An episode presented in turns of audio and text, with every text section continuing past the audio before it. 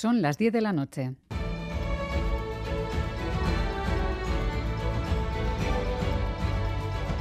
Radio Euskadi y Radio Vitoria. Servicios informativos. Repasamos los titulares de la jornada con Amaya Zabala. Gabón Amaya. Gabón Miria, noticias de este miércoles 19 de abril en el que comenzamos hablando de la sequía. Álava sigue con falta de lluvia y el sur de Navarra está en alerta por escasez de agua. Pero a pesar de todo, según expertos de Euskalmet, en general la situación en Euskal Herria está dentro de la normalidad y eso que en abril está lloviendo mucho menos de lo habitual. Olaz Príncipe, Euskalmet.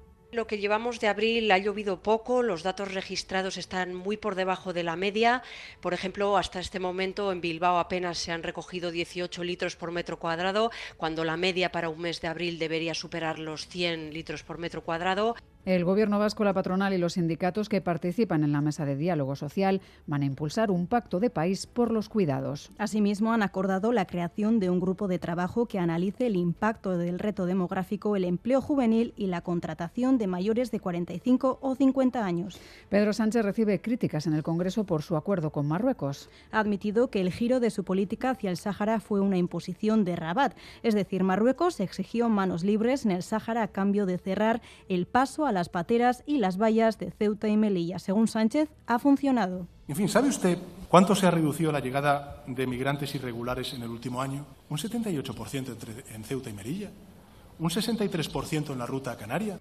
Y se han pronunciado en contra todos los grupos del Congreso, también los vascos, Aitor Esteban PNV y Johnny Iñarritu EH Bildu. Ha conseguido parar la inmigración a costa de vender el Sáhara. Pero, por favor, no saque pecho. Eh, reconociendo que es bueno que usted tenga buenas relaciones de vecindad con Marruecos, ahora bien, el precio a pagar no puede ser abandonar al pueblo saharaui.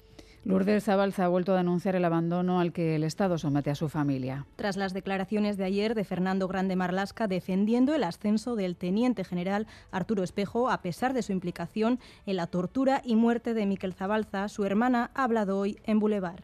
Cuando un juez parecía que encaminaba o veía que, la versión oficial no, no era cierta o eso, cogían y lo cambiaban. Pues imposible, que si no se investiga no, no hay caso. Tenemos un muro delante, está muy bien protegido.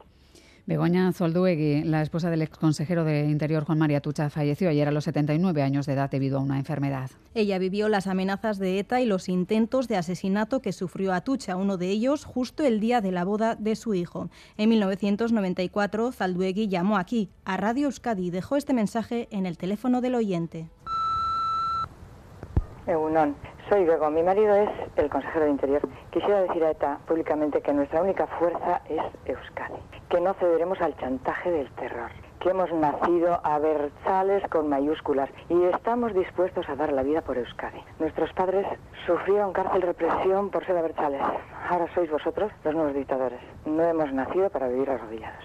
Y un ruego.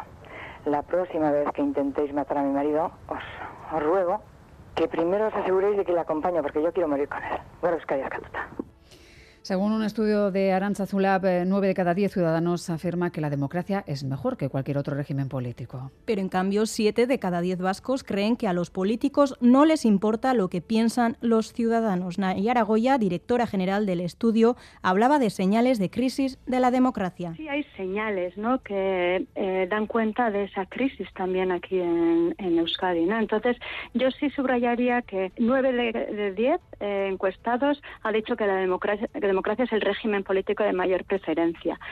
Y terminamos con una buena noticia de esta casa. El conjunto de radios del grupo EITB mejora sus resultados respecto a 2022. Euskadi Ratia, Radio Euskadi, Radio Vitoria, Gaztea y EITB Música suman en su conjunto 408.000 oyentes. Es que recasco hoy.